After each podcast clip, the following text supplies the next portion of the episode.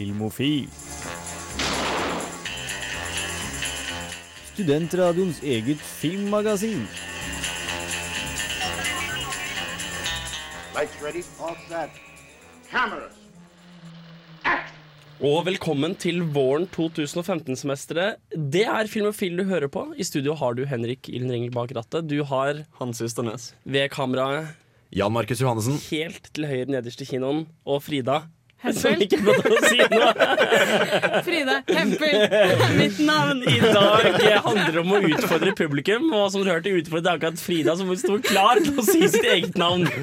Det fikk hun altså ikke lov, lov, rov til, fordi i dag handler det om hvordan vi forholder oss til publikum. Før det skal vi snakke litt om hva vi har gjort siden sist. Vi skal ha litt nyheter, vi skal anmelde Whiplash, en uke forsinket, men desto bedre. Vi skal kort sagt ha det veldig hyggelig.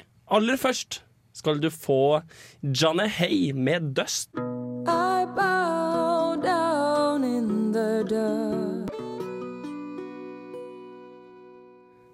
Ja, da har vi hatt, eh, vi har hatt juleferie, og vi har hatt uh, nyttårsfeiringferie og uh, post-nyttårsfeiringferie og eh, Ja, det er litt melankoliske komme tilbake til Trondheim. Nei, kanskje. Og se de stygge trynene deres igjen. kanskje bare meg.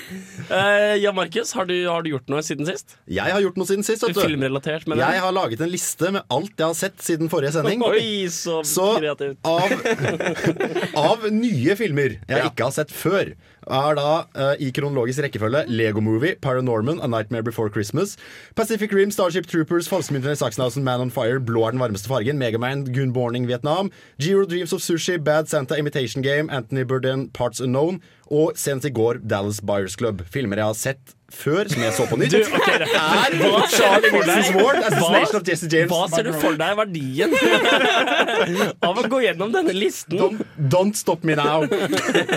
Charlie Wilson's Ward, Assassination, Assassination of Jesse James by the Coward Robert Ford, The Wrestler, Gattaga, Warrior, Road to Perdition, Skyfold, Aviator, Parfymen, Gudfaren del 1, The Untouchables, Iron Man 3, The Wolf of Wall Street, Jango, Team America, World Police, Et kongerike for lama og Shrek 2. Det er det jeg har gjort siden sist. Jeg hører du er glad i familien din. Det er deilig å komme hjem og henge med dem, eller? Ja, jeg, jeg drev jo og livestreamet julegaveåpningen til dere. eh, Ja, det- det gjør så, det. Se, nå har jeg fått den her. stilen som Hans i chatten. Har ikke du en familie du skal prate med nå? Nei, nei, nei. Du skal ikke nei. se opp på familien. Hva med et lite nikk i takk takknemlighet eller noe? anerkjennende sånn Jo, ja, dere eksisterer. Nei, hyggelig. Kan jeg spørre hva som er høydepunktet av eh, lista di, da? Charlie, Charlie, Charlie Wilson's War. den har jeg sett før. Så jeg vil, av de nye så vil jeg si blå er den varmeste fargen, som jeg fikk anbefalt av Frida. Var en, det var en veldig, veldig god opplevelse. Uh, ja, men det, det er jo det, var, det er en bra film. Liksom. Jeg ble litt satt ut av at Oi, jeg skjønner hvorfor den har vunnet noen gullpalmer og gode greier. Um, og også Imitation Game, som var den siste filmen jeg så på kino i 2014. Det er vel uh, rett etter uh, favoritten Gone Girl, så tror jeg vel det kommer på en uh, tett andreplass.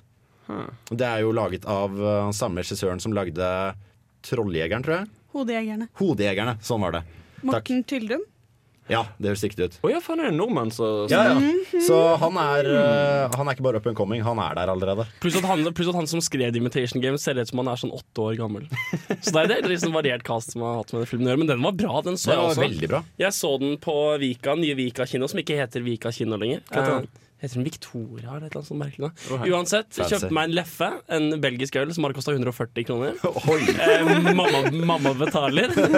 Eh, og satt og koste meg med, satt og koste meg med The Imitation Game. Det, det, det var en bra film, altså. Ja, men det var, det var liksom godt fortalt. Du fortalte historien i tillegg til at det var uh, Du følte at det var realistisk. Filmen tok seg liksom selvfølgelig Det er based on a true story. Du skjønner at noe er litt sånn filmatiske friheter, men det forteller jo hele historien uh, på en veldig god måte uten å være for høytidelig eller for, uh, for klissete med liksom enkelte aspekter av filmen uten, som jeg ikke skal avsløre. Fordi gå og se den. Det er også en film du ikke skal se traileren til.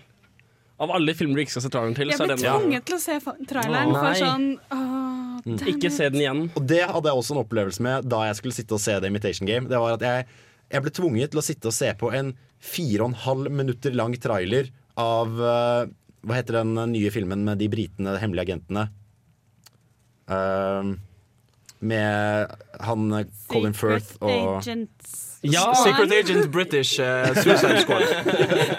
Nei, men det er en film The det er en- The Kingsman. Det var det, selvfølgelig. Ja. Så Ja, ja, du, ved å se den, da, så vet jeg liksom du, du kjenner jo igjen scener fra filmen, så du vet måte hvem som ikke dør da, og hvem som Ja. overlever da. Altså, det er Det noe er herk, ass. Det er skikkelig dårlig gjort. suger skikkelig hardt. Ja.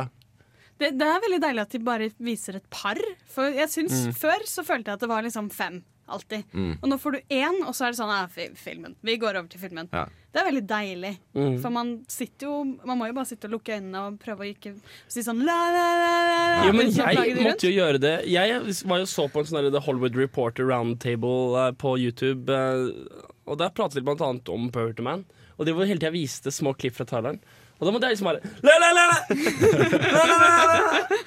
Bare fordi det- fucker sånn med filmen. Da. Men jeg synes nesten det burde vært en slags altså, markering på trailere. At de hadde, Akkurat som sånn her rated R, så kunne det vært sånn rated i forhold til hvor mye det avslører. Ja. mye. For, eksempel Star Wars-traileren som er kommet, er jo fucking awesome. Og bare, Den er bra. bare Den sier snop ingenting. og bare, Ja. bare, en- bare en liten sånn hint om at dette er i gode hender. Dette blir bra. Så, så den føler jeg kunne vært sånn Se, se den. Se den. Ja. Men så har du for eksempel Hva var det meg og Jan Markus fant en trailer for en sånn sci-fi-film som kommer som heter Eh, Ex Machina. Machina. Og det er sånn, ser han? Du skjønner alt, inkludert twisten. Ja. Vi vet nøyaktig hva som kommer til å skje her. Ja, men Det er ikke like gøy. Nei. Skal vi ta og gå til, eh, gå til låt? Ja. Ja. Det er da Orango med Cajun Queen som kommer opp her. En meget koselig låt. Eh, Du hører på, på Filmofil. Du er på Radio Revolt. Og håper du koser deg.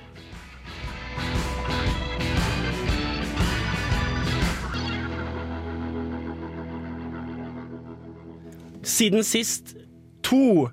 Ja visst.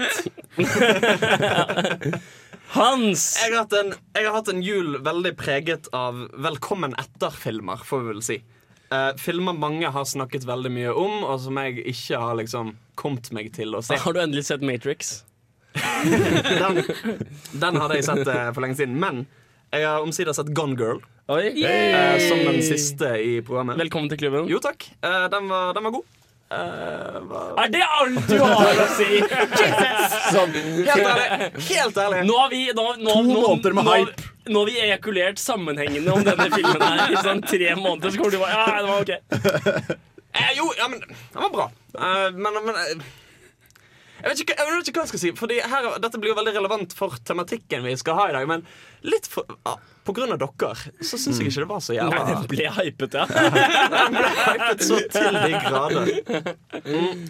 Men jeg har for eksempel sett uh, The Grand Budapest Hotel. Uh, Omsider. ja. Uh, den ble òg snakket veldig mye om at var så jævlig bra. Og den likte du heller Den likte jeg veldig godt. Den oh, ja. synes jeg var dødsfin. Uh, den likte jeg veldig godt. Jeg har sett Lego Movie, Ja. som òg var en sånn Dette er alle sammen sånn topp fem-filmer fra i Ja, sant, ja, men det er litt det, for jeg har merket at liksom så, Sånn YouTube-folk sine topp ti-lister, så Mm. lister de opp filmer jeg har sett i juleferien. Um, så har jeg vært på kino. Jeg har sett Whiplash, som jeg skal Ja. snakke om uh, seinere i denne Men Vil musikeren i deg få lov til å ta av lua og Visst. whip Og- it round. Altså, Jeg vil si at den var betraktelig bedre enn Gone Girl, for å si det sånn. Uh, og jeg vil nå retroaktivt plassere den på toppen av min liste for filmer fra 2014. Nei, Var ikke, det, var, var, ikke det her en pressevisning du 2000. så eh, i sånn 6. Jo. januar? Jo, det stemmer på en prikk, men det er norske releasen. I USA så kom den fra Så hvis Birdman kommer til å være dritbra, så putter den på 2014-listen? Jo, men altså, vi må jo forholde oss Nei, vi må forholde oss til norsk release. ja, ok, Årets film 2015, da. Vet du hva, jeg, Første sending, Jeg- han skåler det. jeg er så synd at han følger jeg opp om tolv måneder da, og se om det fortsatt liksom Ja, vi får se hvis eh, Hvis den der, den der The Conjuring 2 kommer i mellomtiden, så skal ikke vi se vekk ifra Kommer ikke eh, Avengers Age of Jo Ultron? visst faen gjør han det. Star kommer Wars mye det bra filmer i år. Så du holder tilbake Nei, nei, Sjansene nei. nå har du sagt det. Nå har du sagt det. Vet du hva, bordlagt er bordlagt. Det er Bordet fanger, liksom. Selv om kampen om andreplassen er god. Nei, men den, den, den var faktisk helt vanvittig bra. Eh, jeg koste meg helt sinnssykt. Men la oss ikke snakke så mye om den nå. Jeg har sett litt TV-serier òg. jeg har sett mye på Archer. Jeg hadde sett en del av Archer før, men nå har jeg sett det meste. Uh, Og det syns jeg var sinnssykt bra. Jeg elsker elsker, elsker det. Jeg fant en litt liten, skulle til å si mindre kjent serie som Bård Restad fra Nerdeprat eh, hadde snakket litt om, som heter eh, Black Mirror. Ja. Har du sett den? Ja, den ble jeg vidt. Det er så bra! Jo, men sånn seriøst, Den serien fortjener en guttural respons, Ja. fordi den er weird. ja, men er Ikke sånn- weird på stedet Weird. Men det er sånn, sånn, sånn, der, sånn, sånn der low sci-fi. Ja, Ja. det er så bra. Altså, jeg vil sammenligne, jeg vil sammenligne litt med Altså, Det er sci-fi på samme måte som Her er sci-fi. Ja. Ja, ja, ja. Med veldig sånn skulle Hva er din, hva er din rolle? Jeg bare er gira generelt. Vi trenger ikke soundboard når vi har pek på. Ja, Det er på en måte så understated, på en måte. Det virker så integrert. Altså De sci-fi-elementene som er der, virker så integrert i samfunnet Ja, altså- at det framstår veldig organisk og levende. Ja, og, og på den måten så kommer Black Mirror veldig under huden på deg. Det er veldig ukomfortabelt å se på. Og, og eh, vi, skal, eh, vi må jo ha det som ukas serie på et eller annet tidspunkt snart. Det må vi. Ja. Men vi kan jo introdusere det ved å si at Black Mirror er, det er en engelsk serie og produsert med den ytterste engelske nøyaktighet og liksom visuell perfeksjon. Men alle episodene har bare to ting til felles. Det er executive producer og eh, eierskap. Mens det er, det er forskjellige directors, forskjellige skuespillere. Altså, det er jo en antologi. ja, ikke sant? Det er en miniserie. Altså, det er, ja. Ja, og Det forklarer en litt sånn rar IMDb-side, hvor de to skuespillerne som er listet opp, er sexworker og passerby. Ja, ja. Og det er ingen skuespillere som er med i alle, i alle episodene. Liksom, så det er Disse veldig har vært med forskjellig Ja, akkurat Så det er, det er, det er liksom forskjellige temaer og forskjellige skuespillere på hver Så det er episode. liksom statistene som havner høyest, for de har vært med i flest episoder. Og den serien den har jo også Den har blitt produsert siden 2011. Og jeg, har hørt, jeg har ikke hørt om den før nå. I år, og det er sju episoder som er gitt ut. Ja, okay. ja, ja for det, det er veldig korte, korte liksom- sesonger. Altså, de er Ja. på sånn tre episoder per sesong. Og det er to Hvis du trodde. Sherlock hadde få episoder, liksom, så Nei, men, nei, fordi Jeg bare fant det på sånn liste på nettet. Sånn her, eh, disse, the, These foreign TV series you have to watch. Og så bare, Mm. ok, ser gøy ut. Og så var det dødsbra. Noe annet du har lyst til å nevne før jeg setter på litt Sleater Jeg vil lyst til å nevne Broad City. Uh, det er som Girls, bare mer tøysete. Og dødsmorsomt og søtt og dritbra. Ikke Broadchurch, som er den krimserien med Den han der. har jeg òg sett. Den er ganske fin. Den er ikke så verst, faktisk. Nei. Det er en godt laget, fryktelig kjedelig serie. Jo, jo. Men, men som sånn, jeg har ingenting å gjøre på en søndag. Helt Nei, men det eh, er sånn, hvis du, hvis, hvis, du, hvis du er skikkelig skikkelig bakfull, og det er påske, Ja. så kan du se Broadchurch. Nei, den andre har ikke jeg hørt om. David Tennant er med, det skal du ikke. Nei, Broad City er dritbra. Har du sett Girls? Mm, Ja. Nja. Ja, men altså, altså, jeg, altså, Henrik, Jeg holdt ut til ikke lov. halvannen episode. Du har faktisk ikke lov å ikke like Girls. Det, Nei, okay. det, det burde stå i liksom filmofilmanifestet. Jeg sverger til Men Broad City er som det, bare mer skulle jeg si, contained. Altså Det er færre, færre figurer, færre, det spres ikke så veldig mye utover. Og kanskje mindre realistisk med, altså, i liksom portretteringen av folk, men desto vittigere. Altså Det er bedre komedisk skrevet. Kult. Uh, skal vi høre på litt Sleater Kinney med 'Bury Your Friends' her på Filmofil.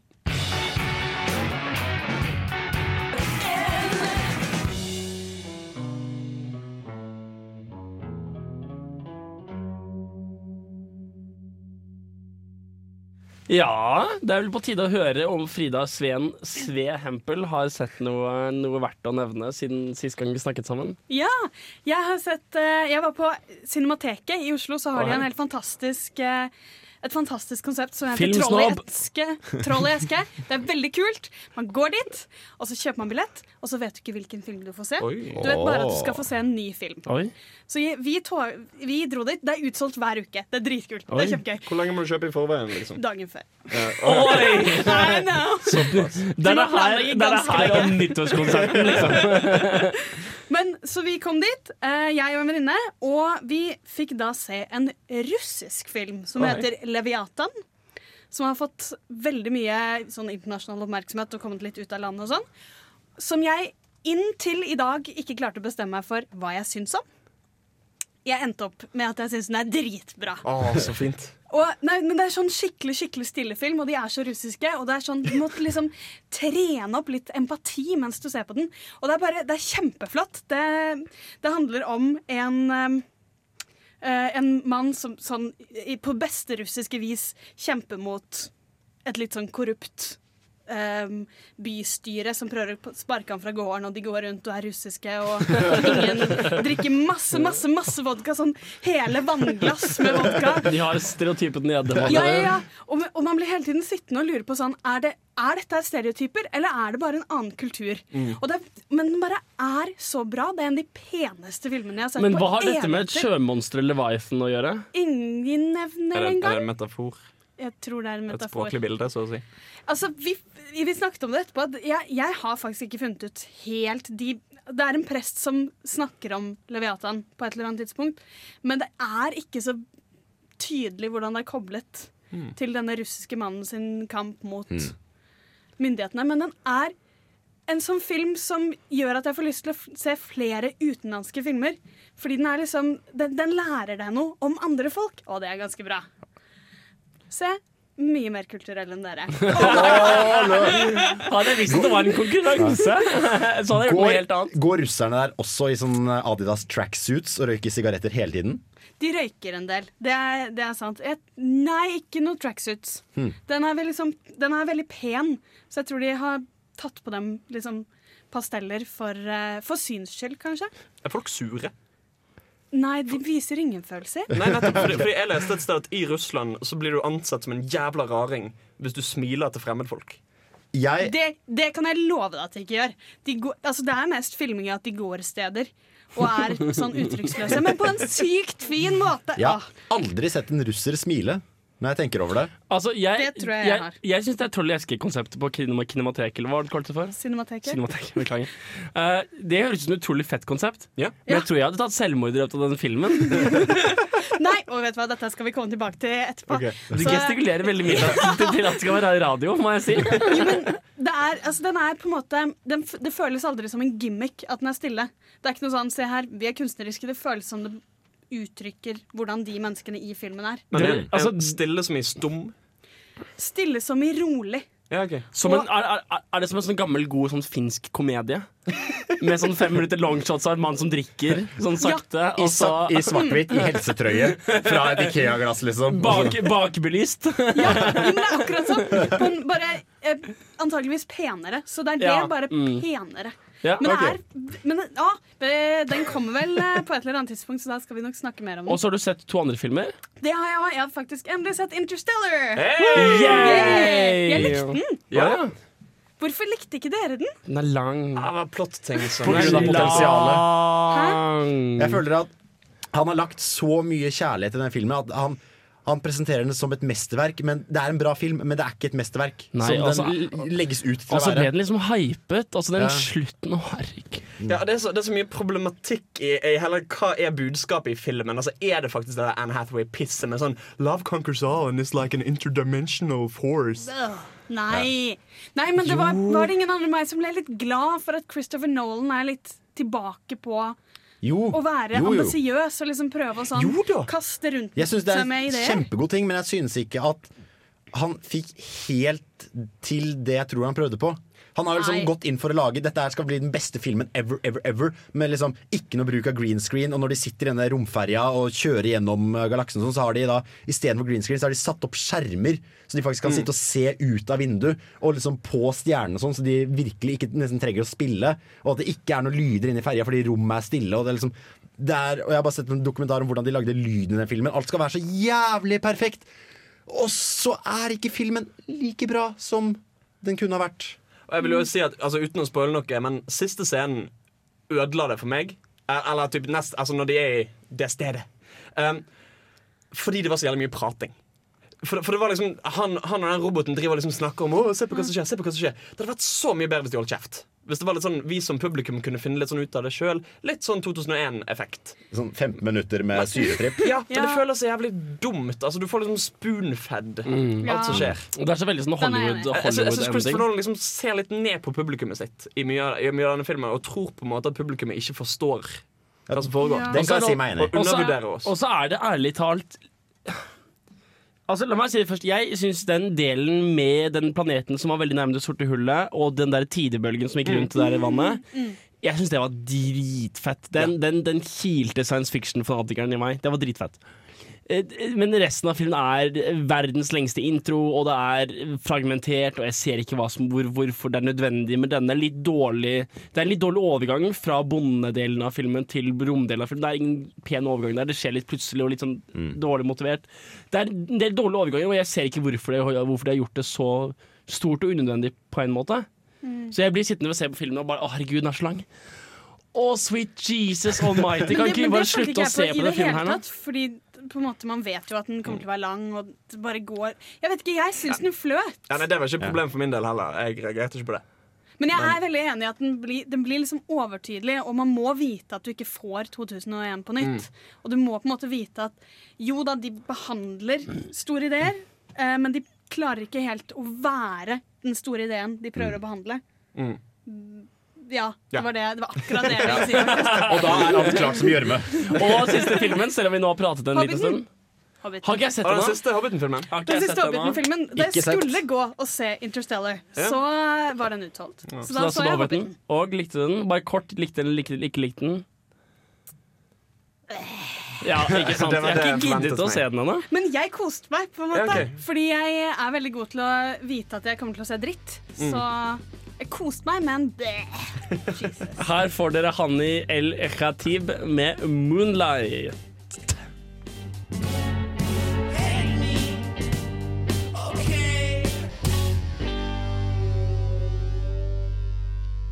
Ja um, Hva har jeg sett? Ja, det er det bare du som kan svare på, Henrik. Godt spørsmål. OK, har du sett um, Jeg så The Invitation Game. Hey. Jeg tror ikke jeg har sett en eneste film uh, etter The Invitation Game og frem til i dag.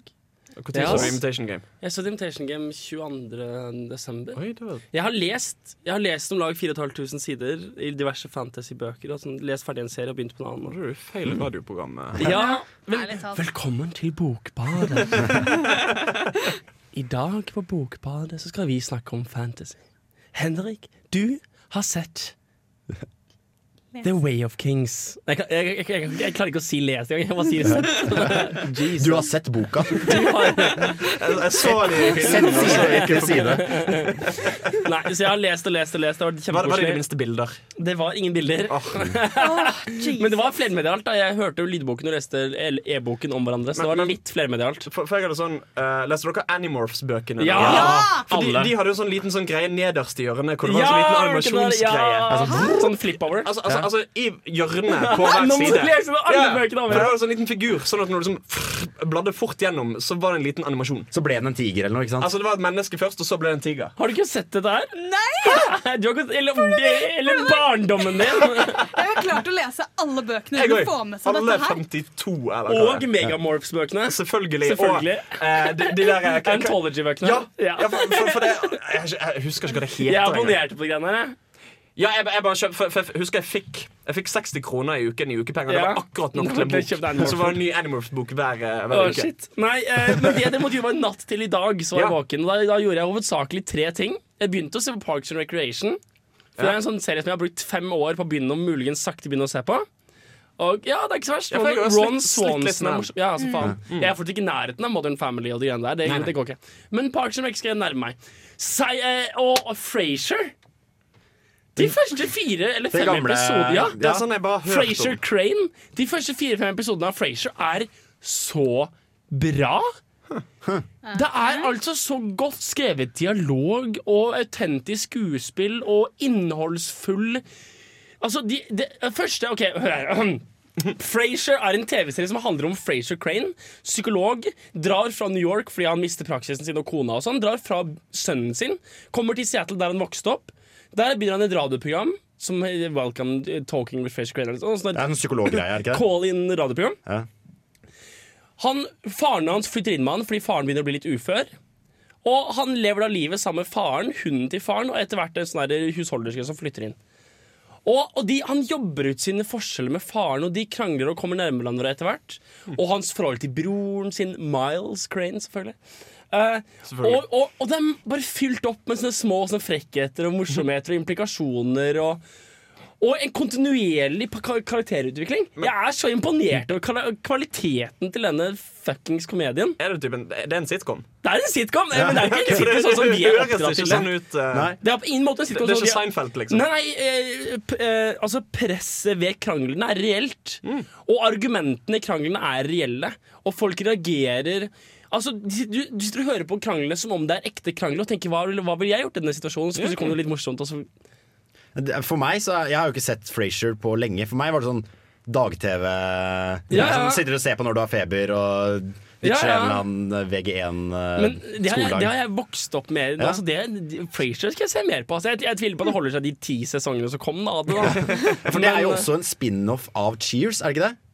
Jo, det hvor, kan være. hvor Frasier starter som en eller annen fyr som er nede i den baren. Uh, Cheers er sånn psykolog som sitter der og drikker. Og så fant de ut nei, han gir vi sin egen serie. Og så kom uh, Frasier i. Seattle som en uh, egen spin-off, og som da bare tok helt av. Ja, kanskje det? Det visste jeg ikke. Nei, men det er i hvert fall Jo, det høres veldig, det høres veldig riktig ut, da. Eh, ja, nei, det får vi, det får vi undersøke. Eh, Cheers var i hvert fall det var definitivt en TV-serie, selv om jeg ser ikke navnet til han der uh, duden noe sted. da Det finner vi ut til neste stikk. ja, nei, i hvert fall eh, Så det var, det var, det var kjempefett. Og så har jeg sett på The Hollywood Reporters sin Roundtables, som er et, et, et magasin i, i, i Hollywood som, som samler sammen skuespillere og forfattere og screenwriters og executive producers og directors. Nå setter de sammen i et rom.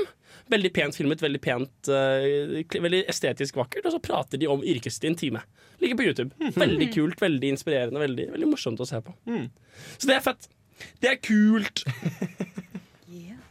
Vi skal ta og høre litt på The Bots med Blinded her på Filmofil. Snart så skal du få nyheter. Og frem til da så får du egentlig bare høre, høre litt musikk. Og, ja. ja.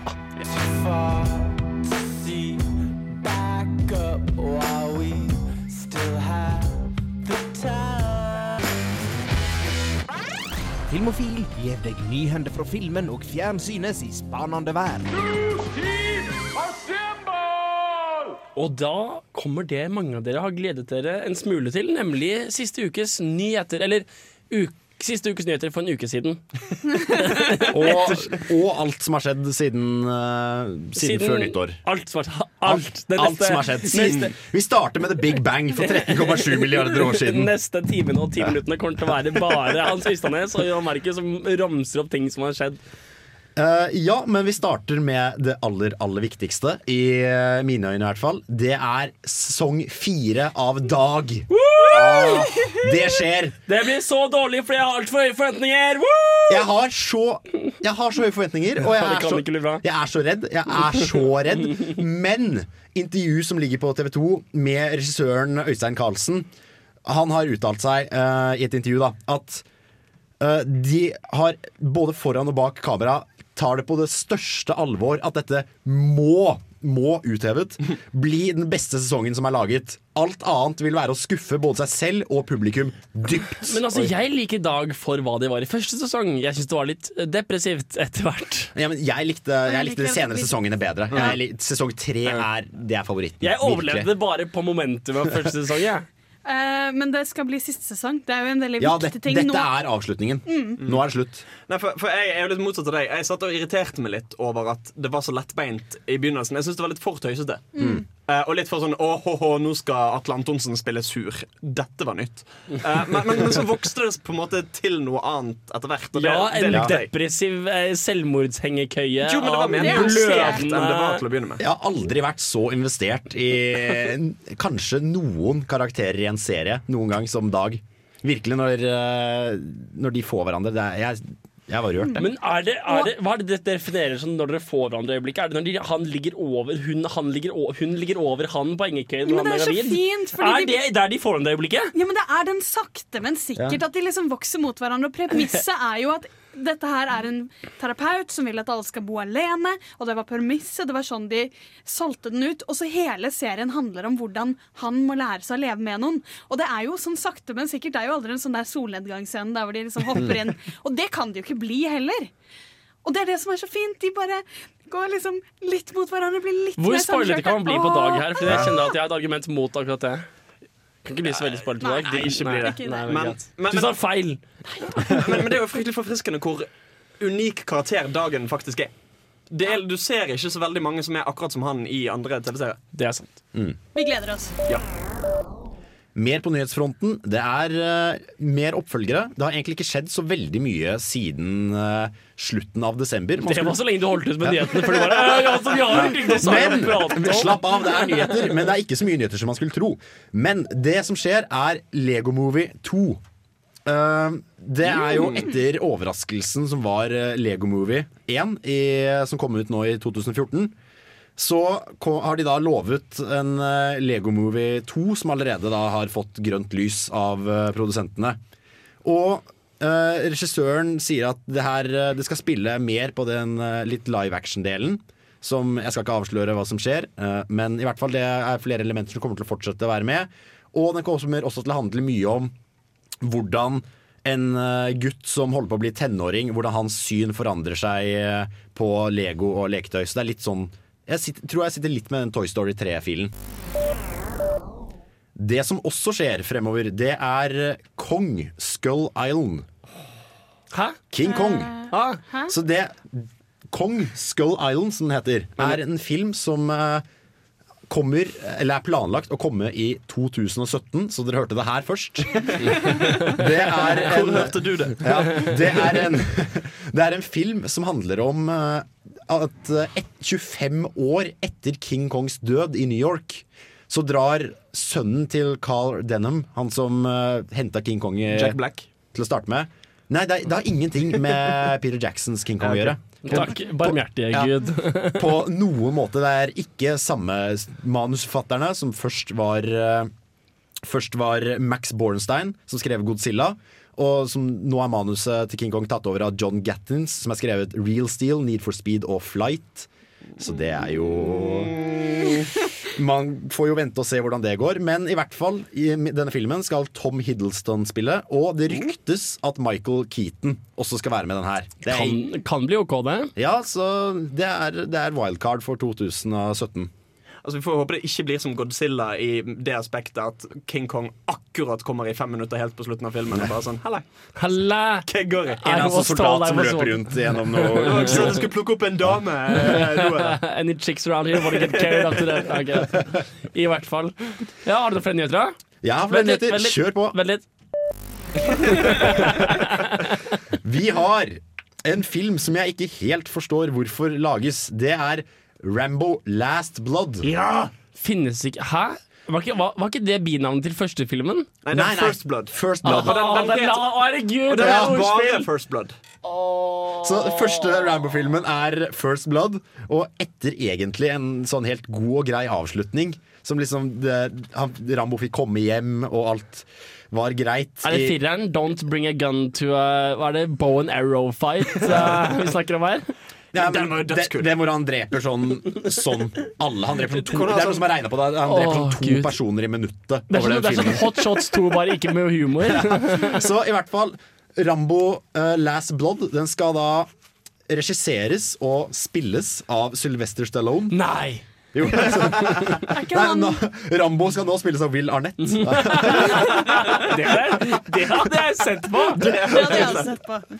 Men ja, Hans Eh, Det bør nevnes at Sylvester Stallone er litt eh, busy akkurat i den timeschedulen. Og For han skal 80. òg vende tilbake til en annen veldig berømt rolle han har, nemlig Rocky. Å nei. Eh, I filmen Creed, hvor han skal spille fyren som trener opp Apollo Creed sitt barnebarn. Ja, Ok, Så han skal, han skal ikke være bokseren? Uh, Men den har du nevnt før i høst, tror jeg. Har jeg det? Å gud, det kan jeg ikke huske. det, det blir så mye nyheter. Ja, herregud, herregud. Men i hvert fall uh, har Rambo Blast. Blood, eh, det, er, eh, det ryktes om at det er en eh, krigsveteran som går etter et meksikansk kartell. Og hvordan Det vet vi ikke ennå, men det får vi bare glede oss til å se. Antakeligvis med, med henda. Med sinte lesebrev og skarpe argumentasjonsteknikker. En vag vifting med, med stokken. Will Arnett argumenterer med meksikansk kartell. OK. Greit. Var det siste nyheten? Det var siste Nei, nyheten. det var en god nyhet, syns jeg. Uh, dere skal få uh, liten kinoanmeldelse her av uh, Hans Ystadnes Ja, beste film i 2015. Først får dere Cold War Kids med Hot Coals. Og da har vi kommet til Whiplash. Ja visst. Ja visst! Ah. Den, den det, det, Fy faen. Den, den, den er så kul. Særlig som Tjommi. Wow, du er ikke god på det, eller? Fryktelig dårlig Du er verre enn jeg på svensk. Det sier så mye. Altså, Den er så jævlig bra! Kan liksom ikke, Gone Girl kan liksom ikke måle seg Ja, engang. Ja, jeg syns ikke, at det var- synes ikke at det var 14. beste film. Nei, ingenting. Never mind. La, la oss bevege oss Hva, du syns ikke Gone Girl var det? Du syns ikke Whiplash var det? Jeg har ikke sett Whiplash ennå, men jeg tviler på det. Jeg syns det er 2014s beste film heller. Du, du, tar, så- ja, men du tar så feil! Ja, men den- er så Hva, okay, hva er det for noe først? Ok, ok, Det er en film som handler om en kid eh, Eller han er sånn 19 år eh, Som spiller trommer og går på et musikkonservatorium i USA. Og så, så får han lov å spille i liksom det feteste storbandet på skolen med en drittsekk av en dirigent. Og så, og så på en måte er det liksom forholdet de to imellom om hvordan han dirigenten pusher trommisen til å bli flinkere og flinkere, mens han brytes ned psykisk i presset om å for det første bare beholde plassen i storbandene som han må slåss om med andre trommiser. Uh, men, òg det å prestere og ønske om å bli liksom en av de virkelig, virkelig store. Og det er Nei, dritkul film. Og så skikkelig sånn spennende. Altså, jeg satt og bare liksom var liksom svett når jeg reiste meg fra stolsetet etter liksom klimakset. For det var liksom bare sånn Å, fy faen. Ja, men det, det, det, det er som å se en skikkelig bra actionfilm, liksom. Tror du du har latt deg påvirke av at du studerer musikk selv? Det er nok ikke helt urelatert. Men hvordan er den Altså, Ligner den litt på som Black Swan? Ja. Okay. Det er Jeg vil si det er den beste sammenligningen. Det er, det er for musikk som Black Swan er for dansing. Oh. Eh, Har du, du har jo en anmeldelse her som du har laget. jeg har det. Har du lyst til å introdusere den? Eh, altså, det er basically det jeg har sagt nå, bare utbrodert. Ah. Så, men, men, men, men ja. Det, han ble kanskje laget litt i affekt. Men uh, vi får Dette er den 18. timen. Jeg, den, den, den begynner å bli litt blå, men uh, Ja. Nei, men Skal vi høre på anmeldelse? Jeg syns vi skal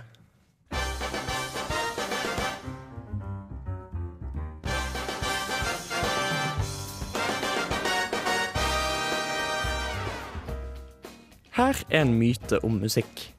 Jazz handler om å spille fra hjertet og er en uskolert sjanger hvor du slipper unna med hva som helst så lenge du knipser taktfast og har solbriller. Dette kunne ikke vært lenger fra sannheten, og jeg har aldri sett en film som tar musikk på alvor i like stor grad som Whiplash. Han tar for seg en 19-åring som heter Andrew Nyman, som går på et musikkonservatorium i USA, og som har drømmer om å bli en av de virkelig store. Han får prøve seg i det beste storbandet på skolen, hvor dirigenten, Terence Fletcher, styrer med jernhånd og skjeller ut studentene ved den minste feil. Dette får Andrew til å øve til han bokstavelig talt blør, hele tiden for å imponere Fletcher, som kan gi plassen hans til noen andre på et øyeblikks varsel. Whiplash er uten tvil den beste filmen jeg har sett fra 2014, og den beste musikkfilmen jeg har sett, punktum. Little trouble there. You're rushing. Here we go. Five, six, and. Were you rushing or were you dragging? I, I don't know. If you deliberately sabotage my band, I will gut you like a pig. Oh, my dear God. Are you one of those single tier people? Et problem jeg ofte har hatt med musikkfilmer, er hvor lett de tar på selve musikken.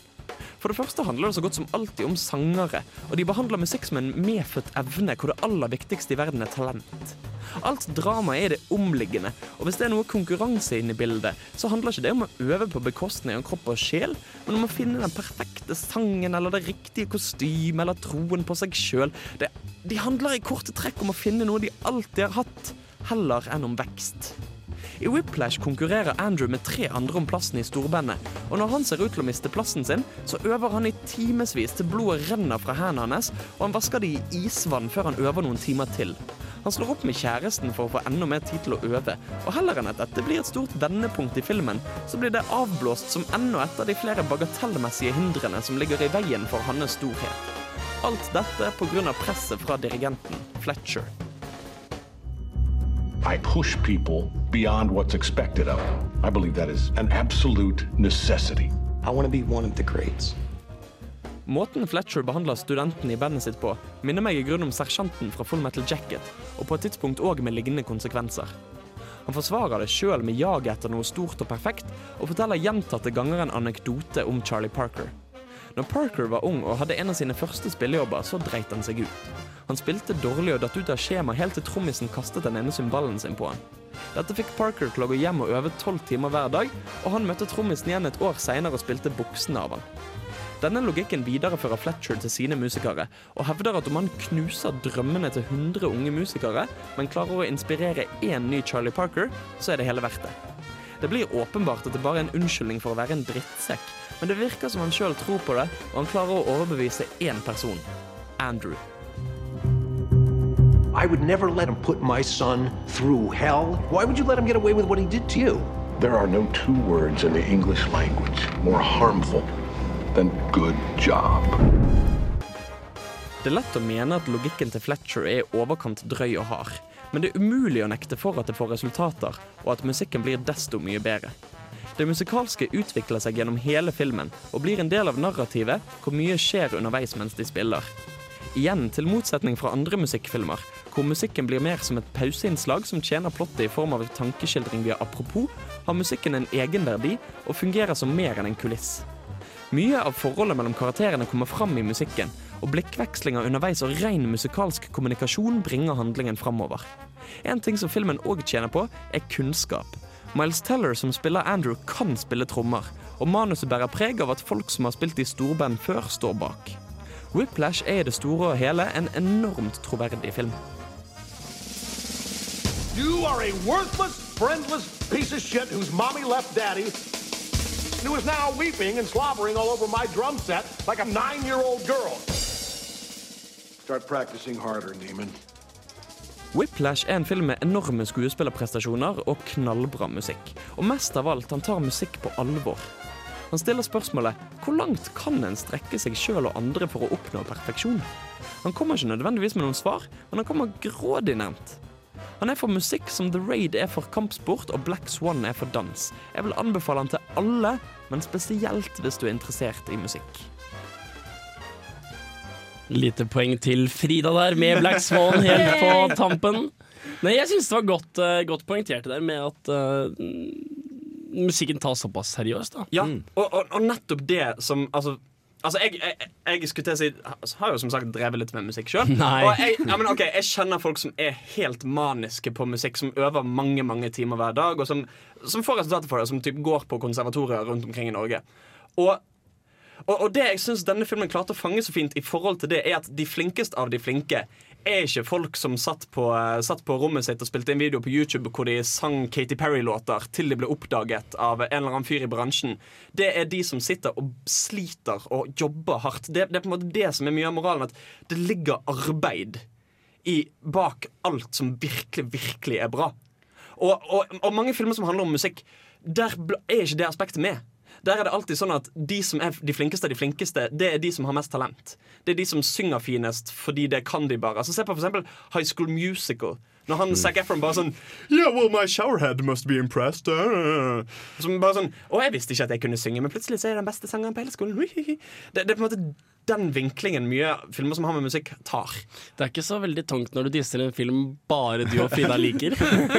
Nei, nei, nei men, men, men selvfølgelig. Jeg liker jo den filmen. Jeg Men jeg, jeg, jeg, altså, jeg, jeg, jeg ser veldig godt hva du mener. Det er jo den klassiske greia der hvor du antar at for at denne, dette geniet skal oppnå sitt geniale nivå, så handler det ikke om å liksom legge inn de ekstra 50 timene med øving uka før prøven. Ja. Nei, nei, det handler om å oppnå et fokus, eller å skyve alle sjakkbrikkene av bordet. Det er liksom Og det, men, og det, og det, det syns jeg er et veldig, veldig godt poeng du har der. Eller å kanalisere sjelen sin ut i det. For det er veldig mye sånn det handler om føle riktig. Just free your mind!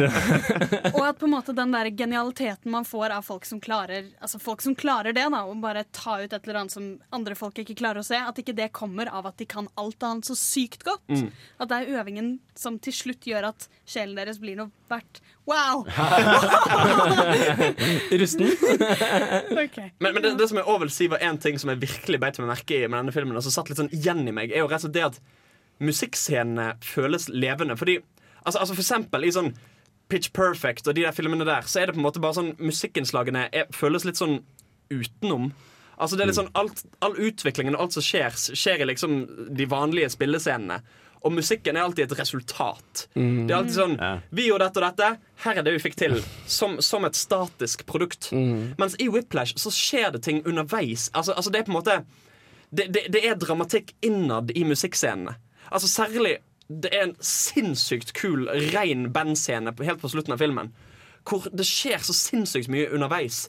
Hvor det bare er kommunikasjon innad og masse som skjer. Og det, og det er på en måte Det, det er så subtilt. Nei, det, det er Skjønner folk som ikke kan musikk det? jeg tror det. Ja, men, fordi den, han har fått veld, veldig gode anmeldelser. Han har sånn 98% på Metacritic og 95% på Rotten Tomatoes. Altså, altså Han har fått jævlig god 8,8 respons. Og alle disse folkene kan jo ikke være sånn kjempemusikkinteresserte hver eneste en av dem. Det tviler jeg på. Så, så jeg, jeg tror det finnes en stor verdi i det. Uh, for skulle til å si i hermetegn vanlige folk. Ja, men det, Dette er en film jeg definitivt gleder meg til å se. altså Ja, eh, jeg men altså Det der er vel egentlig sånn en normal musikal skal gjøre, å bruke musikken som utviklingspunkter. Mhm. Hvis man tenker en god musikal, da, så ikke dra fram liksom, Nei, Pitch nei. Perfect og Glee. Fordi OK, jeg ser på Glee, men jeg hopper over sangene. Uh, gjør, er men det, god- det motsatte. Hæ? Det, det er jo kjedelig. OK. Uh, men i gode musikaler så skal jo musikken være ut, utviklingspunkter. Og her blir det det samme, bare at det ikke er teksten i musikken, det er musikken i musikken som er Ja, men altså, altså det jeg ofte Du kan det ordet. ja, men, ja, men, jeg er helt enig. Jeg er faktisk helt enig Men jeg vil si at mye av problemet i musikaler er at på en måte Al al- Altså, altså Musikkinnslagene handler om 'sånn føler jeg meg nå'. Mm. Eller dette vil, altså, altså Det er på en måte sånn personlige, introverte skildringer ofte. Og kanskje en liten sånn 'Jeg vil snakke med deg, jeg vil snakke med deg', greit, vi ble enige om dette. Veldig sånn tese, motstese, syntese-opplegg. Men var, det, var det vanskelig, det? Ja. Nå ble vi veldig kulturelle. men, men, men Altså, jeg, jeg, jeg, jeg synes det er kjempekult at, at vi er så kulturelle. Jeg bare dupper litt sånn sakte av, for jeg er litt sånn sliten i hodet. Så fordi, fordi, fordi Så jeg og Markus står nå som representative for mottesen til din Ja, men, men altså, det er så tese mye av så, altså, altså på en måte Situasjonen du ender opp med etter et musikkinnslag i Whiplash, er så langt fra den som var når du gikk inn. Altså Det skjer så mye underveis og fram og tilbake, og alt dette gjennom småting. Gjennom sånn eh, hvordan folk spiller, og hvordan folk responderer på hverandre. Det er dødskult. Kan jeg få lov til å se den med deg? Ja!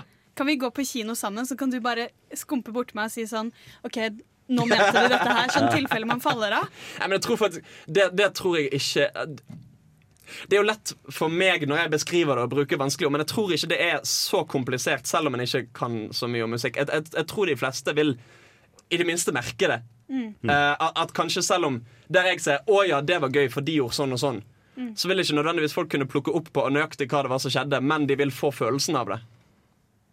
Hvis du skjønner? Ja. Mm. Definitivt. Vi gleder oss. Vi gleder oss veldig. Absolutt. Uh, først skal vi høre Sun In Sound med Calm Down. Etterpå skal vi faktisk rett på tema. Ukas right. tema er publikum. Publikums liksom relasjon. Hmm.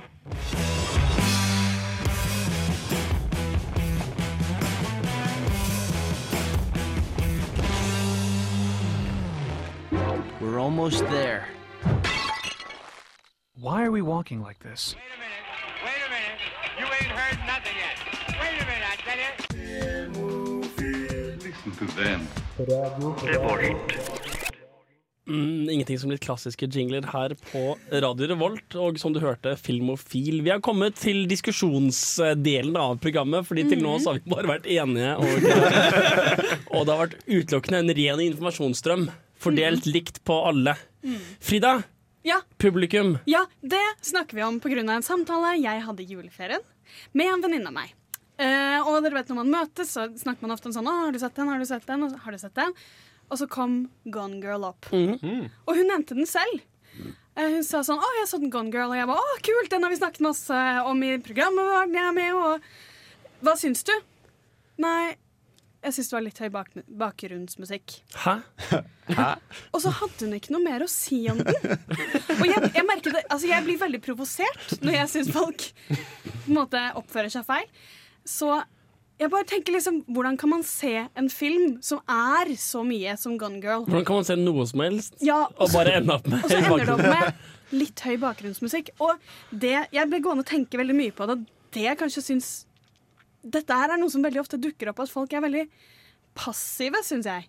Når de ser på film, det er sånn OK, jeg har en liste med kriterier om hva jeg ønsker at en film skal gi meg, og, den, jeg, og så huker jeg av på hva den får til. Litt sånn der Ja, deilig musikk. Mm, bra.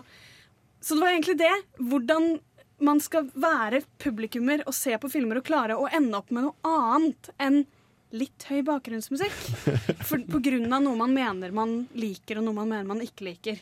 Ja, fordi Du hadde jo en periode med kjedsomhet. Hadde du ikke det? Hvor du, eh, hva var det du kalte kjedsomhetsperioden din? Nei, det? Kjedsomhetstransen. Ja, ja, jeg har fortalt dere den historien før.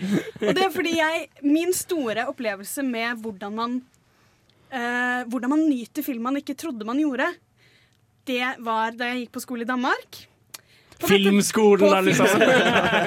På dette tidspunktet så må jeg bare si at jeg var veldig Jeg var faktisk ikke bare mislikte moderne kunst, jeg var imot. Var dette din, din noir-filmperiode, eller var det etter det? Det var etter det. Ja. Ja. Men jeg mislikte, jeg mislikte veldig sterkt modernitet. Jeg mente at kunsten hadde tatt en feil vending, og at de bare liksom flottet seg. Du måtte vært, vært en fantastisk person å ta en kaffe Hvor gammel var du når du kom med denne innsikten? som ingen andre hadde tenkt på før? Det var vel kanskje 18. Ok. Men eh, skolen vår skulle vise Stalker, eller Stalker, tror jeg den heter, siden den faktisk er russisk. Tarkovskij sitt store mesterverk. Ja, ja. En av de virkelig, virkelig store kunstfilmene. Så jeg tenkte selvfølgelig ja, jeg må gå og se den. Og så var det en venn av meg sa i en sånn slengbemerkning før jeg kom inn, at ja, for disse hører jo til en tradisjon eh, som dukket opp midt på forrige århundre, midt i forrige århundre, som mener at det er faktisk viktig å kjede seg litt. Å, herre barmhjertige gud. Stalker er Jeg beklager, det var, jeg kommenterte faktisk på hva du sa, selv om det du sa var bra. Jeg sø- søkte om Stalker, Ja. og denne filmen her er temaet til spillet Stalker Shadow of Chernobyl. det er Kadonovskij som har laget en film som er, er innholdet av spillet. Stalker Shadow of Chernobyl. Spillet er et kjedelig spill hvor du Det sitter er og gjør ingenting. dritfett! Det er en av de mest immersive spill... Ok, beklager. Beklager, Frida. Det var imponerende. Det er da ikke Det er ikke den, det er en gammel film. fra 1979? Ja. Ja! OK, det var den nok. A guide leads two men into an area known as the zone to find the room that grants wishes. Ja. Dette er Stalker Shadow of Chernobyl. OK. Jeg står for den lavpannede demografien i, i dag. I dag får. Nerdeprat Ja. og Bokbarn. Og til slutt Filmofil. Frida. I hvert fall. I hvert fall Frida. Takk. Eh, det som var poenget med denne filmen, At det skal være er at du skal kjede deg. Og da mener de at du skal, at du skal komme inn i en sånn transe. Men dette har du nevnt før. Du har snakket om det her før at det er filmer som har en verdi i å tvinge deg inn i et sted der du setter pris på ting du ikke ville satt pris på over en ti minutter periode. Mhm. Det har jeg snakket om før, og det kommer fra denne opplevelsen. Kult. Fordi jeg må bare si at på, altså, Den er tre timer lang. Den går så sakte. De går. De, det er det de gjør hele filmen. De går og prater. Jeg gikk ut midt i filmen, tok meg en røykepause, kom inn igjen, og så var jeg sånn Hva har skjedd? Nei, de har gått ned i en tunnel. Altså, det skjer så lite. Og på slutten vi var tre stykker igjen av kanskje 50 stykker. Nei, alle, gitt opp. Nei, alle hadde sovnet. De hadde faktisk sovnet i setene sine. Jeg hadde falt ut for lenge siden. Jeg aner ikke hva de sa i filmen. Men allikevel Jeg lurer på om det er fordi jeg hadde hørt det at det var meningen at du kjede, skulle kjede deg. Så jeg slappet veldig av i å kjede meg. Og så satt jeg jo i en kinosal, så du på en måte faller jo ikke helt ut, sånn som du gjør ellers. Og da det var en helt fantastisk opplevelse. Og jeg måtte trekke tilbake alt mitt hat for modernitet bare fordi jeg hadde en helt annen innstilling da jeg kom inn. Som gjorde, jeg mener i hvert fall at det gjorde at jeg klarte å nyte den filmen som var på premisser jeg ikke ante man kunne nyte en film på. Og, og hvordan, hvor, ja, hva er dette med publikum, på en måte? Hvordan er dette på temaet? Dette men, og fra dette så mener jeg at hvordan skal man som publikum gå inn og se på filmer for å få best mulig Ja. opplevelse? Mm. At jeg lurer på om det er en måte å ta seg selv fra den se på en film, komme ut og mene det var litt høy bakgrunnsmusikk, til å kunne se på en film og se etter kan jeg få den ut av den, noe som var Altså, hva har denne her filmen her Hva er den sin kvalitet, i stedet for hva, hva kan den gi til meg? Veldig kult. Altså den aktive publikummer. Ja, ja det er veldig- være den jeg, jeg har tanker for til deg selv, faktisk. Jeg skal ta oss først sette, sette på en låt som heter Brick Batter and the Greasy Chips med, med She's Gone Solange. Uh, så fortsetter praten å prate om etterpå.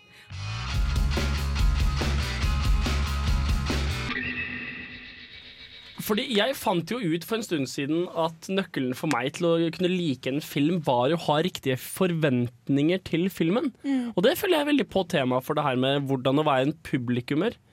Fordi Altså, Jeg likte ikke Guardians of the Galaxy, og det handlet utelukkende om forventninger. At jeg kom inn i filmen og forventet noe helt annet enn det egentlig var. Mm. Og så har det vært filmer som har vært veldig kjedelige, ensformige, forutsigbare filmer som jeg har kost livet med meg med. Fordi jeg forventet en, en kjedelig, ensformig kom komedie hvor du, hvor du får alle vitsene levert i traileren. Jeg vil si også at de fleste her i studio er allerede bevisste publikummere i det at de velger å se så lite trailere som mulig. For da avslører du Ja, det er en annen ting. Det er en annen ting. Det er på en måte forberedelsen. Men nå snakker jeg mer om hvordan du på en måte hva du tenker inn i når du går inn i rommet. Mm. Hva forventer du deg? ikke sant? Når jeg så Interstellar, så forventet jeg en kjempelang film. Jeg hadde kjent meg ti ganger mer hvis jeg ikke hadde visst at det var en kjempelang film. Mm. Eller når jeg så Hobbiten, så forventet jeg en ganske dårlig film. En ganske dårlig klarte... Lord of the Rings-film, liksom. Ja, og dermed så klarte jeg på en måte å nyte den i det at hver gang det kom noe dårlig, så var jeg sånn OK, men dette visste jeg jo. Ja, ja. Og så klarte jeg på en måte å henge med hver gang det var noe jeg likte. Ja, for jeg, jeg likte jo ikke Hobbiten nettopp fordi at alle jeg kjente var sånn Å, den er dødsbra, og jeg likte veldig godt Ringenes herre-filmene. Snakker vi om treeren eller eneren eller toeren? Eh, Eneren Eneren, ja. Men, men for da, da satt jeg der litt sånn dette er en drittfilm. Altså, jeg, altså, jeg var ikke sånn Jeg var ikke en gang sånn nyansert på det. Jeg bare satt sånn Jeg hater dette. Jeg har lyst til å gå nå. Ja, for Hvis du aldri hadde sett de originale Ringenes herre-filmene, så hadde du sikkert satt mer pris på den. Tror du ikke det? Ja, det vet jeg ikke. Det er, my, det er mye jeg ikke liker Men jo, altså, det er et visst poeng der med at Ja. de originale Ringenes herre-filmene setter standarden litt for høyt til hva Hobbiten-filmene kan føle. og Spesielt fordi det visuelt og fortellingsmessig sett er veldig likt. Men hvis man skal utnytte eller eh, løfte dette ett hakk opp, da For nå Ah. snakker vi om hvordan du skal gå på enkeltfilmer. Det er liksom Mm. Vit hva du skal vi- Ha litt lave forventninger, og vit Mm. hva du skal Mm. forvente. Mm. Men hvis du skal lære deg like nye sjangere Hvis det er en sjanger du sliter med, hvordan skal man ha Tror dere det? At, det kan, at du kan, gjennom å lære deg hva de vil, sånn som jeg da gjorde med Stalker, denne kunstfilmen, lære deg hva de ønsker å gjøre med filmen, at du dermed klarer å nyte den mer? Men hvordan skal du, hvordan skal du gjøre det? Lese deg opp på filosofi bak, eller Kanskje spørre noen som er blodfan av den sjangeren. da Hvorfor liker du denne sjangeren? Mm. Hvorfor synes du f.eks. at uh, sci-fi er dritkult? Ja, her når vi jo på da en interessant ting. Som kanskje kan jeg ikke eksemplifisere det. Nemlig en rant jeg hadde som varte i sånn to og en halv time i høst. Hvor jeg lå for meg selv, og det var perfekt. Jeg hadde satt opp eh, 80-tommeren, og prosjektoren var på, og var på, jeg hadde noe godt å drikke. Jeg hadde god tid, jeg var avslappet. Jeg var avslappet og tålmodig. Så satte jeg på 2001. En romodyssé. Stanley Kubrick på sitt påståtte beste. Og det skulle liksom være en liksom orgasme i, i symbolikk og, og en velfortelling. Og den var altså så kjedelig. og jeg var så irritert, og jeg det var klagde og klagde og klagde, og Frida ble surere og surere og surere. Bare din blasfem! Din hykler, din geiteskjender og skattesnylter! Hva faen? Slutt å se den filmen nå! Du er en skam! Du er en skam! Jo, men den er jo faktisk en av de filmene jeg hadde en litt sånn opplevelse med. Men sånn, så, så kjedelig at det er vakkert. Nei, nei. Første gang Som jeg så sånn den, så var jeg sånn? Åh, au, au, dette er kjedelig, jeg orker ikke, den er lang, den er langdrygg. Og så snakket jeg med folk etterpå som forklarte meg litt hva den handlet om, som forklarte meg hva de ville med den. Og altså, den er jo en film siden den er, det er meningen at du ikke skal henge med hele veien. Det var en gang en voiceover som skulle Mm. forklare deg hva som skjedde på slutten, og så var Stanley Kubrick kjip og bare nei. eh, Fuck all you people! Eh, men gjennom å da finne ut hva symbolik altså, symbolikken betydde Mm. Andre gang jeg så den, så var det sånn Fantastisk! Dette her er dritbra. Og dermed, Det er en sånn film jeg tror vi avskriver litt lett. Ja, det er ikke mitt inntrykk. Mitt inntrykk er at det er filmen som kommer til å cuppe ballene dine mildt og på en omtenksom måte i sånn tre timer. Mens du liksom tenker på herregud, film kan være et medium av kunst. Det er det jeg har hørt om den filmen. Oh, ja, det, ja, okay. ja. Jo, jeg tenkte du, da. Det var egentlig deg, ikke vi. Jeg Nei, fordi jeg, jeg, jeg altså, Så det du, sier, det du sier til meg, er at du kan forklare meg ting om den filmen som gjør at jeg kommer til å se den igjen og så tenke Fuck meg, det der var bra. Jeg vet ikke om jeg kan. Men det er poenget ditt med det er hvordan å være publikummer Ja. over et større bilde i forhold til sjanger. Ja, Da applikerer denne, dette eksempelet. Ja, men Det var litt derfor jeg spurte dere, da. For jeg vet at det det er veldig sånn for meg. Men f som for deg, da, Henrik. Er det noe jeg kan forklare deg om 2001 som får deg til å like den? Det vet ikke jeg. Hva var det du ble, hva var det du ble forklart om 2001 før du så den andre gangen? Jeg syns det var veldig kult at de starter på starten av historien i stedet for å gi deg hjelp til å komme deg gjennom. Nei, det var bæsj. Nei, men De gir deg ikke noen karakter som er sånn OK, her har du en person som du skal forfølge, sånn at det skal bli lett å liksom følge gjennom hele historien. Her prøver de å fortelle historien om teknologisk evolusjon, og da starter de på starten med aper. Og så driter de i om du faller av, og jeg syns det er fint. Jeg synes det er At de ikke undervurderer oss, sånn som vi snakket om med Interstellar. Interstellar. Men det var ikke det du Altså Når du beskriver at det var en person som forklarte deg hva Kubrick mente med det, og hva alt betydde, er det dette du, du da ble forklart? Fordi det du forklarer meg nå, er hva du liker med filmen. Men det, men det var en ting jeg ikke la merke til første gang. Da tenkte jeg aper. Hmm. Monolitter. Selv hvis du forklarer meg på en måte den, den, den, den tids på en måte aspektet av det, og den vakre, enkle symbolikken av det avanserte ideen Jeg er fortsatt ikke liksom grepet.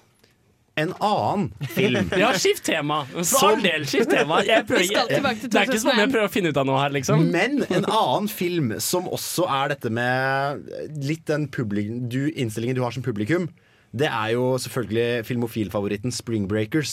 Ja. Der har du jo også et helt sånn kroneksempel på at enten skal kan du gå og forvente deg en sånn litt sånn spring break, wow, og noen løper rundt i bikini og er uh, dumme og drita. Eller så kan du forvente deg en sånn generasjonsanalyse. Og, så litt sånn hvilken innstilling du har, har veldig mye med, oss, med hvilken film du ser. Mm. At liksom, Enten så ser du en eller annen drittdårlig komediegreie, dramating. Eller så er det sånn generasjonsbilde som Selv om det er samme filmen, så er forventningene dine og innstillingen din avgjør helt hvordan du opplever det. Men, men der synes jeg det, det nærmest virker intensjonelt. At de har gått inn og bare promotert den som om det var en eller annen sånn tenåringssexkomedie med folk som var på spring break. Og så får du noe helt annet. Du får en sånn her exploitation-kultfilm eh, som bare handler om alt mulig annet enn det du skulle tro han handlet om. Så her Altså- bevisst lurer de publikum, da. Ja, altså, altså For eksempel når, når jeg lastet ned en eh, film på, eh, på nettet og tenkte nå skal jeg se en godhjertet komedie med Seth Rogan. Filmen var Observe and Report og er noe av det sykeste jeg har sett i mitt liv. Og, og der, der er det nesten sånn at jeg tenker at det er bevisst at de som lager filmen, tenker med castingen og med promoteringen at nå skal vi gi folk noe de ikke har forventet seg. Altså De trekker liksom teppet ut fra under publikum. Og de bruker det at du forventer feil. Mm. Eller forventer noe annet, da. Men det er også derfor jeg ikke har lyst til å se trailerne. på en måte Fordi jeg, jeg, jeg Hvis vel Birdman, da. Der, jeg, der, der er vi tilbake på en måte forberedelse for en enkeltfilm. Ettersom rød tråden tydeligvis ikke er det noe man skal holde seg på i denne samtalen. Nei, nei, nei. Uh, så da har jeg valgt veldig godt å ikke se trailerne, fordi jeg har ikke lyst til å Jeg har lyst til å bli overrasket. Jeg har lyst til å, jeg har lyst til å bli tatt med på en tur av denne filmen her. Jeg er positivt innstilt, og jeg er åpensinnet for hva det kommer til å bli. Kanskje jeg kommer til å hate den, men det kommer, kan også være at jeg sitter og tenker å, det var kult, å, det var kult, å, det var kult. Men altså, det, det er jo veldig individuelt fra film til film. For jeg så traileren til Birdman. Og den er jo mer forvirrende, egentlig. Altså, altså Jeg sitter med flere spørsmål enn jeg hadde i utgangspunktet etter å ha sett den traileren. Uh, Ja, jeg også. Jeg, jeg skjønte, jeg jeg skjønte, aner ikke hva slags type film det er. skjønte ikke en dritt av traileren. Det eneste jeg vet, er at jeg har lyst til å se den. Sant? Jeg har ikke peiling på hva sjanger. Det kan være alt fra komedie til uh, Sci-fi. Ja. Gudene vet. Men uh, skal vi ta og, ta og kjøre på med ukas filmlåt? Eh, hva er det, ukas filmlåt er det vi har her? Er det Frida eller er han som har tenkt til å fortelle meg hva det er for noe? Det er jeg. Det er jeg. Det er meg. Og det er da fra 2001. Er det Al- Al- Alitsors bra Saratustra? Ja. hva, hva, hva betyr det, Henrik? Også pratet Saratustra. Ja, visst. Det var vel det sa. eller- Thus spoke Thar Ja. Zarathustra er jo engelske oversettelsen, i hvert fall. Og det er kanskje ikke det sa. Sarathustra. nå, når er det vi hører denne sangen i 2001? Det er når man ser monolitten. Det er når man kjenner seg første gangen. Jo, ok. Det er på starten. Er det når man kjenner seg tredje Helt gangen? starten. Helt Jo, på men starten. Spiller den ikke noe med monolitten? Nei, det er helt på starten, når du ser soloppgangen Mm. og liksom jordas kreasjon. Og jeg bare føler den sangen Det bare fanger det. Og det er mens man fortsatt har håp for filmen. Det er, Men, det var det er før første kjensomheten. Men det som er litt gøy å nevne med den sangen, er at det var ikke meningen at det skulle være på soundtracket. Eh, Det var noe de brukte som filler mens de ventet på å få det spesialkomponerte stoffet. Og så sitter Kubrick der og bare sånn «Hm, Dette funker som faen. Da tar vi det. Skal vi kjøre på? Ja.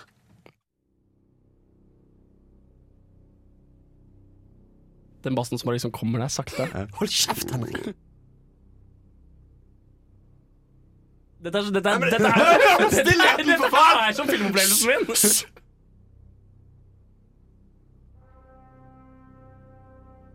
Å, herregud, så kjedelig! Henrik, for faen.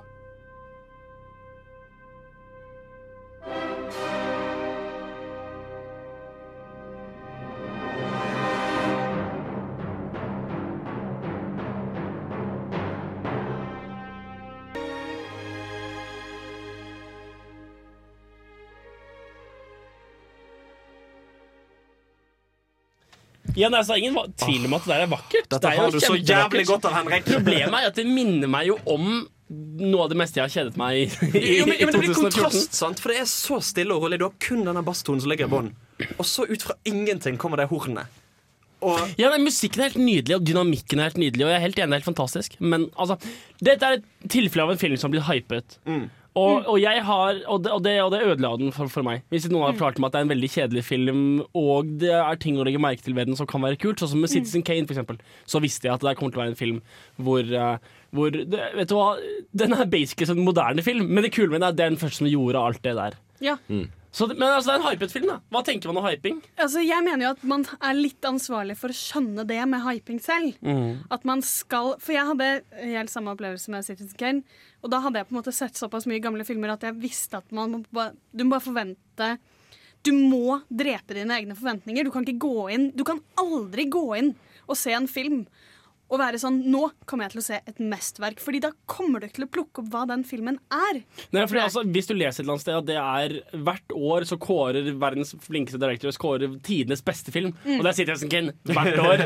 Du kan ikke gå inn og forvente det, liksom. Dette er Avengers møter Schinders List møter. altså. Jo, men da, du kommer jo ikke til å få se det. Jo, men du kommer jo ikke til å få se det du har lest om. Nei. Du må på en måte bare lære deg å hype deg selv ned. Når du hører at ting begynner å liksom, gå, forventningene dine begynner å gå opp, så må du bare Nei, OK, jeg må la den filmen være den, det den er. Jeg tror det er veldig hemmeligheten for å prøve å se hypede filmer. Så har du noe råd? Du som har gått uh, filmskole i Danmark. yes, Jeg, vet du hva, jeg, jeg syns vi bør, vi, vi bør postfikse alt vi sier med det.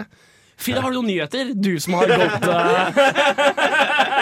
hva har du gjort siden sist? Du som har gått filmskole. i Gidder du kaffe, eller du som har eh, gått på Frida, du som har gått på filmskole i Danmark, har du hatt en bra jul? Jeg tror, jeg tror det er veldig viktig å slutte å bry seg så jævla mye om ting er bra eller dårlig.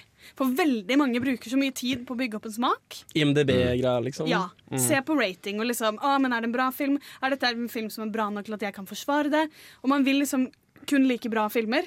Hvis man bruker tid på bra og dårlig, så ender man opp med å miste ting som er utenfor det du er vant til. Det er helt enig, altså, Det var jo en film i fjor som het Ida. Ida var det. Og der leste jeg bare plottet. Og det var en, en, en polsk nonne reiser til naziinnfestet område eller et eller annet sånt nå, på en eller annen tid for å finne en eller annen Så tenkte jeg ok, dette kommer til å være sakte og sort-hvitt og antakeligvis litt fint. Det var akkurat det det var. Og, det var liksom, det, det, og det er en film jeg aldri hadde kost meg med hvis jeg ikke hadde vært så forberedt på at den kom til å være så an, anførselstegn kjedelig. Og da har du på en måte lagt fra deg hele sånn spekteret Ja. ditt av sånn bra og dårlig. Ja, Da har du bare gått inn for å se den filmen for det den Kan prøver å den gi meg noe, nytt, liksom? Men hvis jeg har en venn nå, da, som uh, Jeg har en venn som klør litt på Jeg har en venn som har noen byller. Nei. Men uh, hvis jeg har en venn nå som ikke har sett f.eks. The Dark Night, hvordan, hva, hvordan skal jeg si til han Den filmen må du se, men chill, liksom? Ja, han, Altså, altså, jeg vil jo si Jeg likte ikke The Dark Knight Rises i det hele tatt. Jeg ville The sagt Dark det. Knight. Jeg ville sagt Dark det. Knight. Å ja, Dark Knight. Ja. Ja, ok, ok, da forsvant hele Da tar du den i hånda igjen. Jeg tror kanskje, Hvis jeg skulle sagt det, så ville jeg forklart hvorfor den var så hypet.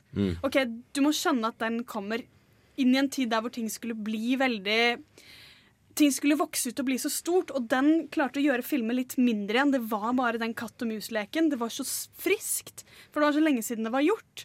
Og det var veldig overraskende at Heath Ledger gjorde den rollen. Altså, At man går gjennom hva som gjorde at vi ble så slått i ansiktet. Så kan du på en måte legge fra deg det at det bare er en dritbra film, og skjønne hva vi så. Men altså, jeg, jeg vil jo egentlig ikke ha påpekt hva som er galt med filmen heller. Så det er ikke en god måte å avhype en film på. Så, Nei, ja, det den er bra, men det er grusomt, det og det. Nei, Da kan man ikke grus. Nei, jeg, jeg sier ikke at det Ja. det du foreslo, men mitt initielle idé ville vært å bare gi en kort analyse av filmen. Mm. Pluss eh, Plusser ved filmen eh, filmatografi og uh, story. Minus ved filmen eh, klipping og for høy bakgrunnsmusikk. Da ville jeg sitte og irritert meg hele filmen over det. Ja. Så det å avhype en film er ingen lett oppgave. Nei. For jeg har ikke lyst til å få forklart alt. Hvis jeg sitter og forventer at Heath, Heath Ledger kommer til, liksom til, å, kommer til å blåse av meg jakka, så kommer det ikke til å komme som like stor Mm. Men jeg liker tanken med at du på en måte forklarer hvorfor en film har blitt så hypet. Og at du, det på en måte er med på å forklare hvorfor alle er helt harnisk over den. Uh, så her er det litt sånn kunnskap er makt, kanskje. At jo mer du på en måte vet om ting rundt en film, ikke nødvendigvis plott og sånne ting, jo, Jo, men i dette, Kunnskap er makt i den kontekst av at forutsigbarhet er makt. Og forutsigbarhet er ikke nødvendigvis nøkkelen til å like en film. Mm. Men, men altså, altså, jeg tenker litt sånn Hva skal en da snakke om når en snakker om film for folk som ikke allerede har sett sett da, da, da er ikke jeg stor fan av å snakke om filmen. Da, da vil ikke jeg høre om den. Det er samme som at jeg ser ikke Ja, okay. Jeg vil si likte du den eller likte du den ikke. Jeg likte den. Ok, kult, da skal jeg ha det med meg når jeg skal se Ja. filmen. Siste kommentar fra Og det er jeg aldri interessert i om folk likte den, eller om de ikke likte den. Jeg er interessert i hva fikk du ut av den. Gud, han motsier han helt fullstendig når vi skal avslutte. OK, greit! Eh, takk til uh, Frida. Hva, ok, kan du f- komme med poenget ditt, da? Unnskyld, Frida. Det var ikke jo ingen, det er ingen som Jeg driter i Du vil høre hva de fikk ut av den, Ja. og dermed muligens også se noe i den du ikke ville sett ellers. Ja. Og det syns jeg er et dritgodt poeng. Sånn ut, utvide din horisont. Kjempegodt poeng, og mye bedre enn mitt poeng. Så. uh, nå skal dere få en liten låt som heter Panda Bear. Med en høy intro. Med Mr. Noah her på Filmofil.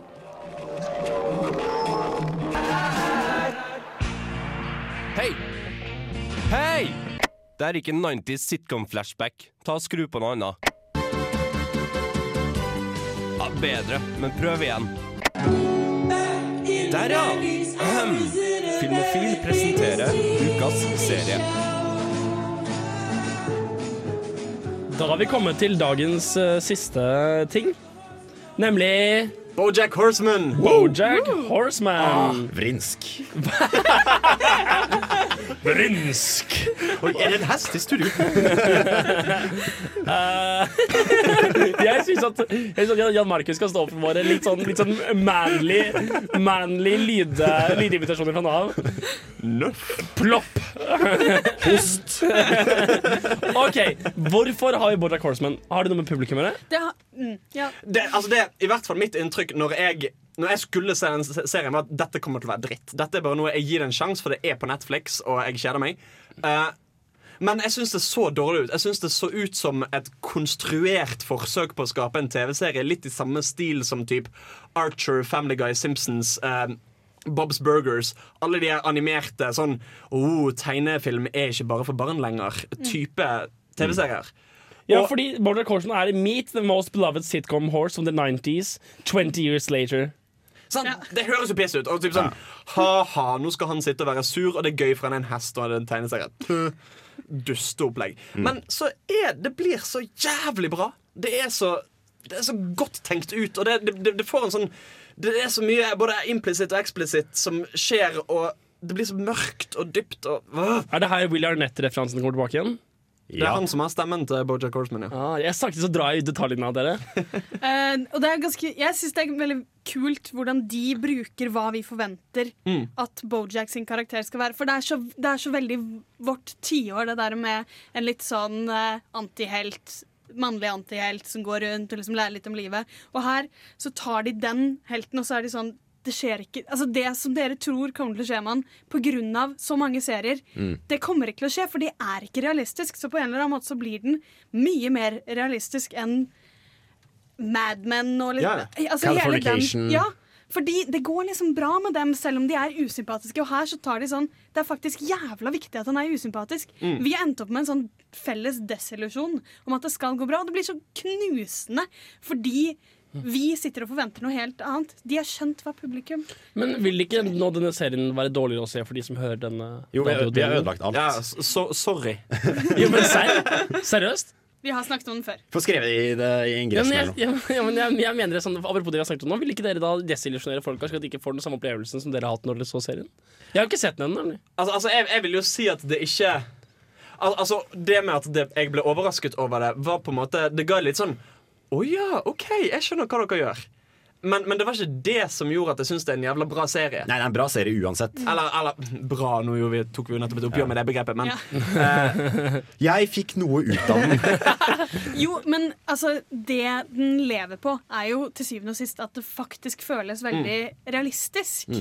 Og det, det at i mange av disse skulle jeg si I mange av disse TV-seriene med sånn der dysfunksjonell, kynisk mann i hovedrollene, eh, så, så skjer det aldri noe Altså typ Archer er en like idiot i hver episode av det i alle Mm. sesongene. Mm. Og han forandrer seg aldri som konsekvens av det. Han får aldri noe pes for det, annet enn at han blir skjelt ut her og der, og så er situasjonen den samme i neste episode. Ja. Men så her skjer det faktisk. Folk behandler han som han behandler de, og han merker det. Altså, karaktertrekkene ved uh, um, Bojack Horseman og til en viss grad Dag i første sesong Mm. kar eh, Karaktertrekkene ufarliggjøres. Mens både i Dag i sesong 2 og 3 og Grad Resir i Bojack Horseman etter hvert, så får du faktisk se konsekvenser og ting som faktisk skjer. Ja, eller nå er det bare én sesong av Boja Horseman. Da. Men, Nå prøver jeg å trekke en linje mellom Dag, som vi ja, begynte men med. det, det er ikke helt unaturlig å trekke linjer der. Jeg holdt meg våken til slutten av sendingen. Lett verdt det. Fordi akkurat som du sier, at det starter liksom sånn Å ja, han er sånn og sånn, og det er jo kjempegøy og sånn. Men så etter hvert så er det sånn Du kan ikke holde på sånn. Folk, folk tolererer det ikke i det lange løp. Du, Mm. du sårer folk, og det er Det funker ikke. Vi har et klipp her. Vi har et klipp. Ja. Hva er det for noe? Det er fra en fest. Uh, jeg tror egentlig det, er ikke, det ble ikke veldig dypt, for jeg tenkte jeg ikke skulle spoile for mye. Så Mm. det er en festlig samtale der hvor uh, Bojack Horseman har jo da fått ansatt en sånn ghostwriter som heter Diane, som skal skrive, hjelpe han å skrive selvbiografien sin. Eh, og så Dette er da han finner ut noe om Diane og hans argeste fiende, golden retrieveren eh, Mr. Peanut But- Butter. Bojack! Ugh, this guy. Hey, man, want to let you know you are out of beer. Oh, I see you met my beautiful girlfriend, Diane Nguyen. Whoa, whoa, whoa, wait a second. You drank all my beer. Also, you two are dating? Yeah. You're dating him. Yes. This is your boyfriend. That is correct. Uh huh. You are going out with you, Uh huh. but in a sexual way, not just as friends. That's right. You have seen her naked. Many times, yes. You are attracted to this. Yes. This penis has been inside this vagina. Yep. But in a sexual way. Oh, yes. Humph. Oh, my God. Are you okay? I'm just. I'm fine. I'm just. I'm really happy for you. Should we get someone, or... No, everything's. Oh, this is really. OK. Eh, Kan det være dette er sånn som er litt morsommere hvis du ser Hvis du har bilde av hva som skjer inni hodet ditt? Ja. Altså, altså, altså det, som- det som er gøy med dette, er jo at dette er et av de tidlige eksemplene på at Altså han Mr. Peanut Butter, som er, er sammen med hun som skriver boken hans, um, er jo en veldig sånn happy-go-lucky, naiv tulling som bare er litt sånn hi-hi-hi, verden Ja. er et vakkert sted. Men, altså Den rake motsetningen av Bojack Horseman, selv om de har samme bakgrunn som Mm. tidligere sitcom-skuespillere. Eh, og, og her ser vi det at det er han det går bra med. Det er han som får damen. Mm. Eh, det er hans oppførsel som belønnes. Men dette er vel ganske tidlig i sesongen, så her tror vi jo fortsatt at Nei, men det kommer til å ordne seg. Han kommer til å bli avslørt som en sånn her dustemikkel, og det er Bojack som liksom Han er ekte. Han får det. Og så går det ikke helt sånn.